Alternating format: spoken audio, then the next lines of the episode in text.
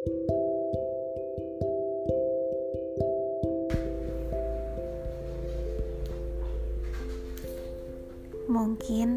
semua orang pernah sakit hati, juga pernah dikecewakan, pernah terbentur, ditinggalkan, dihianati, dan berbagai situasi sulit lainnya. Maka sungguh beruntung orang-orang yang menjadi lebih kuat, lebih tangguh setelah semua kejadian tersebut. Maka sungguh spesial orang-orang yang menjadi lebih paham lebih tegar melewati seluruh situasi tersebut. Semoga itu termasuk kita. Sakit hati, Darelie.